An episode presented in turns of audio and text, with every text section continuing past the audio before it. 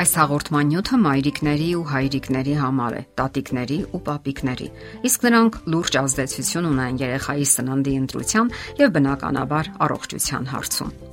Երեխան որ տարիքում էլ լինի, պետք է հասկանա, որ առողջ ընտրությունը ձանձրալի չէ եւ ոչ էլ տխուր, իսկ դա պետք է ներարկել արդեն մանուկ հասակից։ Դեռ ավելին, դա պետք է անել այնպես, որ լինի եւ հետաքրքիր եւ ուրախ, եթե իհարկե ծնողները ջանքեր անեն։ Եկեք փորձենք այս սկզբունքը առողջ լինելը հետաքրքիր է կյանք դարձնել երեխայի համար։ Առաջին եւ գլխավոր կանոնը, ինչից պետք է սկսել, սնունդն է։ Իսկ սնունդը երբեք այնպես գրավիչ ու գայթակղիչ չի եղել, ինչպես այսօր։ Սննդային արդյունաբերության հսկաները կարողանում են շատ գեղեցիկ ու գրավիչ ներկայացնել նույնիսկ ամենաանօգտակար սննդանյութերը, լինեն դրանք կոնֆետներ, չիփսեր, թե կոլաներ։ Դրանց փաթեթները կամ տուփերը գունավոր են, վառ ու պայծառ, իսկապես օրիգինալ փաթեթավորմամբ։ Սակայն հիմնախնդիրն այն է, որ գեղեցիկ արտակինով ամեն ինչ չէ, որ օգտակար եւ առողջարար է երեխաների համար։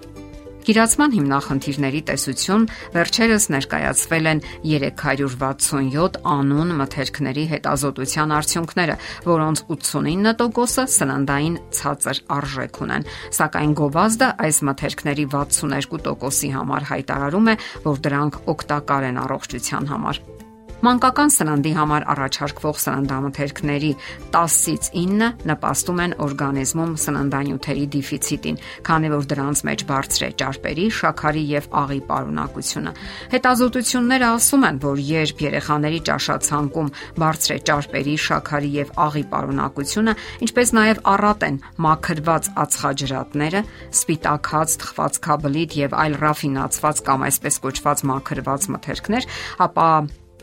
Նման երեխաները տարապում են ուշադրության կենտրոնացման անբավարարությունից, ավելի հաճախ են հոգնում դասերի ավարտից հետո եւ որպես հետևանք նվազում է նրանց առաջադիմությունը, տուժում է վարքագիծը։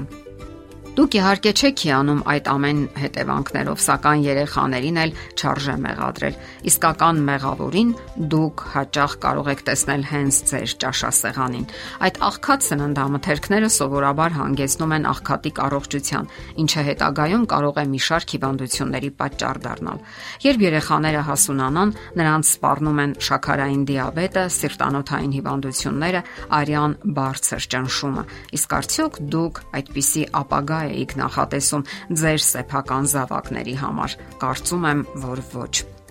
Եվ այսպես, ինչ կարող են անել ծնողները, որpիսի կարգավորեն երեխաների սննդակարգը եւ ազատեն նրանց ամեն տեսակի գունավոր վառ փաթեթներից ու տուփերից։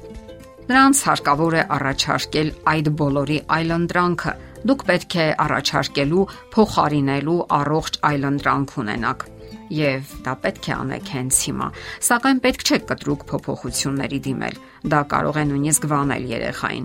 Ձեր առաջին քայլը պետք է լինի առողջ կենսաձևի մեջ հարատևելը։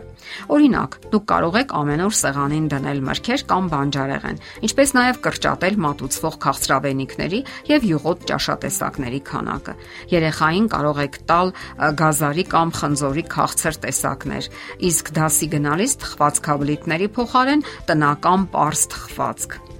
Ինչը պետք է փրկի ձեր երեխային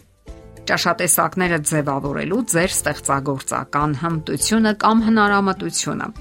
Գործելով համբերատար դուք աստիճանաբար կազդեք երեխայի սովորությունների վրա եւ դա քիչ-քիչ կդառնա վարքագիծ, ազատելով հետագա բազմաթիվ եւ բազմազան հիմնախնդիրներից։ Երբ մարդը գնում է այլ երկիր, նա աստիճանաբար ընտելանում է այդ երկրի ճաշատեսակներին, ինչը եւ նրա համար դառնում է չափանիշ եւ սովորական բան։ Հենց այդ նույն ձևով էլ մենք կարող ենք ընտելացնել մեր երեխաներին առողջ կենսաձևի սկզբունքներին։ Սովորությունների փոփոխության անցումային փուլում կարող եք երեխային առաջարկել մեղր, ջեմ, ոչ շատ քաղցր մուրաբա, առողջ մրգեր, հատապտուղներ,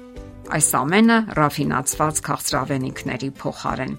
Իսկ երբ երեխաները համառորեն ցանկանում են ինչ-որ բան ծամել ուտելու արանքներում, աշխատեք շեղել նրանց ուշադրությունը կամ էլ առաջարկեք ջուր խմել։ Հնարավոր է նաև ոչ քաղցր հյութ առանց պտղամսի։ Երբ երեխան սովորի տնական པարզ թխվածքներին,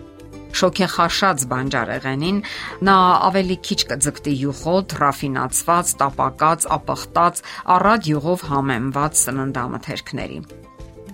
Մեծահասակներս նույնպես նման վնասակար սովորություն ունենք։ Երբ ցանկանում ենք ապարգևատրել երեխային որևէ լավ գործի կամ արարքի համար, հաջող քննությունների կամ որևէ այլ բանի համար, որևէ քաղցր բան ենք հյուրասիրում,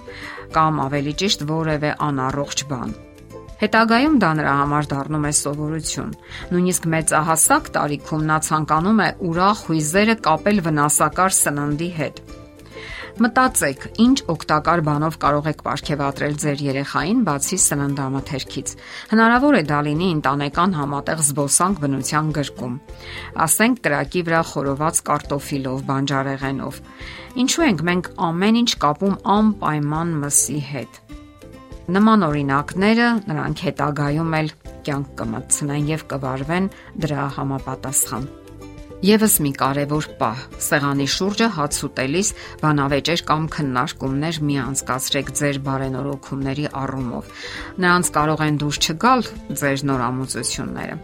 Համբերություն ունեցեք եւ մի նահանջեք ձեր արժեվ դրված նպատակից եւ ամենակարևորը ձեր անձնական օրինակը։ Դուք ինքներդ պետք է լինեք ձեր գաղափարների նախանձախնդիրն ու առաջամարտիկը։ Երեխաների մեջ առողջ սովորություններ ձևավորելը ամրապնդվում է մեծահասակների անձնական օրինակով։ Ամենաուժեղ փաստարկը ձեր անձնական օրինակն է, որին նրանք չեն կարող չհավատալ։ Դե ինչ, համբերություն եւ հաջողություն այդ կարևոր գործընթացում երեխաների առողջությունը իսկապես կարևոր է։ Հարցերի եւ առաջարկությունների համար զանգահարել 033 87 87 87 հեռախոսահամարով։